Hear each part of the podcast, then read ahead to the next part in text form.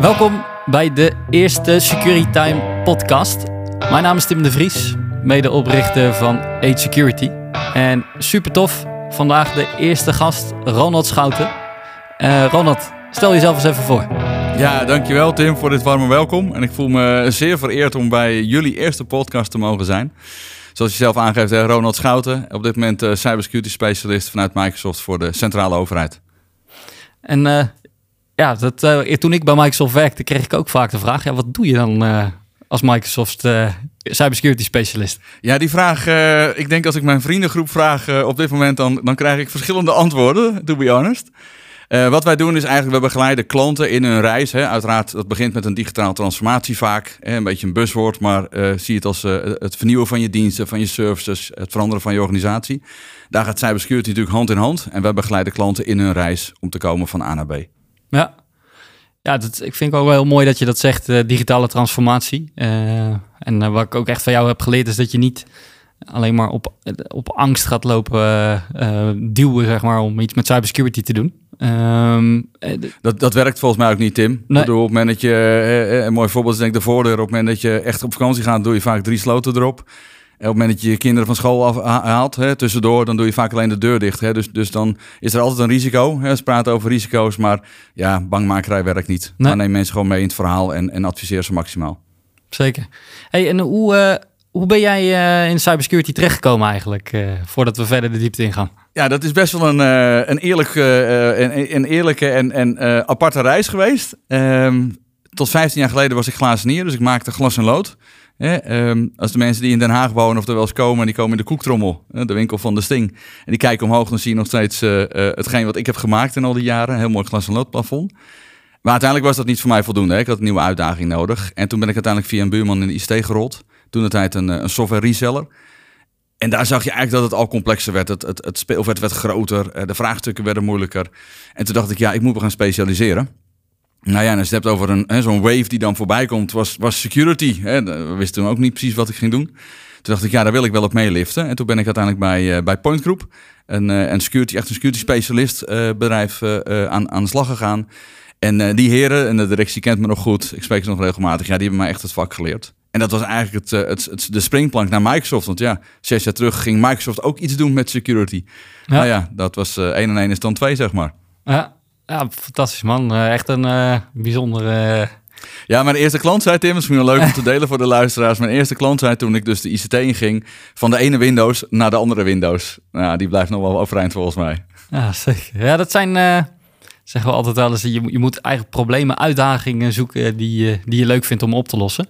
Exact. Dan is uh, van, van fysiek glas naar, uh, nou, naar virtueel naar cyberglas uh, ja, een ja. hele andere uitdaging. Ja. En als we dan kijken naar de, de, de, de, ja, de organisaties die jij helpt, de overheid specifiek, welke uitdagingen zie jij daar? Ja, kijk, wat je natuurlijk ziet, hè, en ik, ik denk dat het ook wel voor commerciële organisaties geldt, is dat en die, transformatie, neem het voorbeeld, van hybride werken. Laat, laten we het heel concreet maken. als je als overheidsorganisatie, uh, zijn ze bijna al bezig nu met hoe gaan we hybride werken ondersteunen. Zeker, noem het na, na coronaperiode. Uh, dat kan zijn omdat je beter je klanten wil bedienen. Dat kan zijn omdat je misschien kosten wil besparen. Omdat je een heel duur kantoor hebt.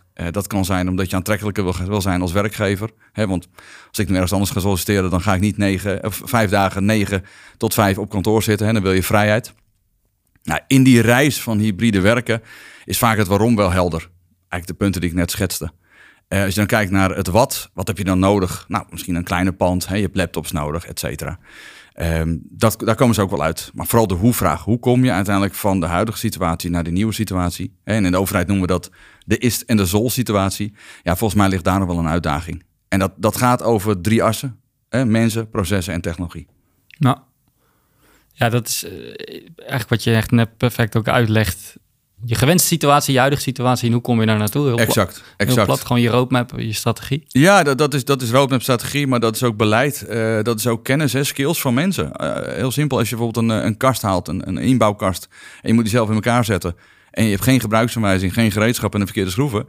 Nou ja, dan komt hij waarschijnlijk wel in elkaar. Maar ik denk niet dat de schuifdeuren heel goed heen en weer gaan. Hè? Dus... Maar het gaat ook om dat de mensen de juiste skills hebben, de juiste kennis hebben om uiteindelijk uh, überhaupt die reis te kunnen starten, maar ook te kunnen afronden.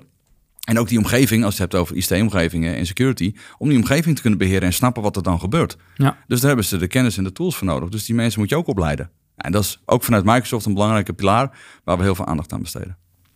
Ja, dat is ook een mooie overlap die ik daar zie met de overheid en eh, ja, de, de, de commerciële organisaties die ik eh, toen de tijd hielp. Za- Zag je ditzelfde daar gebeuren of niet? Ja, ja dat, het begint met mensen.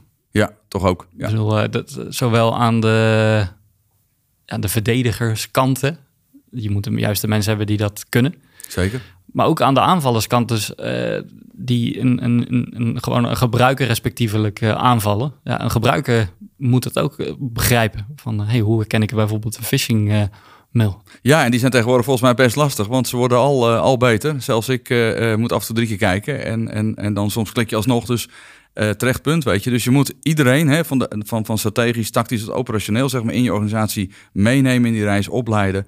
En volgens mij kan je dan succesvol zijn. Precies. Ja, ja wat ik ook een mooie uitspraak vind is... culture eats strategy for breakfast. Ja, En Volgens mij is het eh, ook met eh, cybersecurity, of het nou overheid is of een commerciële organisatie, begint het met een gezonde cultuur. Zeker weten, zeker weten. Wat ik ook de laatste tijd veel zie op mijn eh, LinkedIn timeline, en als ik het ook met eh, klanten erover heb, is natuurlijk een, eh, concept dat heet Zero Trust. Klopt. Wat eh, is jouw visie daar, eh, daarop? Nou, kijk, vaak bij de uitleg van Zero Trust wordt het vaak heel technisch. En volgens mij eh, eh, willen we niet direct die kant op. Dus ik heb eigenlijk een vraag terug aan je, Tim. En sluit even je ogen. Hè? En, Doe en als ik jou vraag, welke stad, welke wereldstad, welke metropool zou je nog heel graag willen bezoeken? Hmm, Tokio. Tokio. Ik heb zin in vis. Oké. Nou, ik denk dat in ieder geval ik en ik denk dat heel veel mensen met mij, als ik het voor, als beeld van Tokio voor me haal, dan zie ik een hele drukke stad waar voetgangers, brommers, auto's, kriskras door me heen gaan, door elkaar heen gaan. Soms gebeurt wat, soms ook niet. En volgens mij kunnen we die stad en die metropool en die drukte heel mooi gebruiken om, eh, om het Zero Trust, hè, het Zero Trust architectuurprincipe, gewoon eens te duiden als, eh, als metafoor. Dus die zou ik heel graag willen toelichten aan de hand van Tokio in een volgende podcast. Lijkt me goed plan, Ronald. Leuk. Dan wil ik eh, ja, de luisteraars bedanken voor het luisteren naar de eerste podcast van Security Time. En eh, natuurlijk Ronald Schouten eh, voor het aftrappen van eh, de eerste podcast. Heel graag gedaan, eh, Tim. Leuk om iets. Top. Tot de volgende.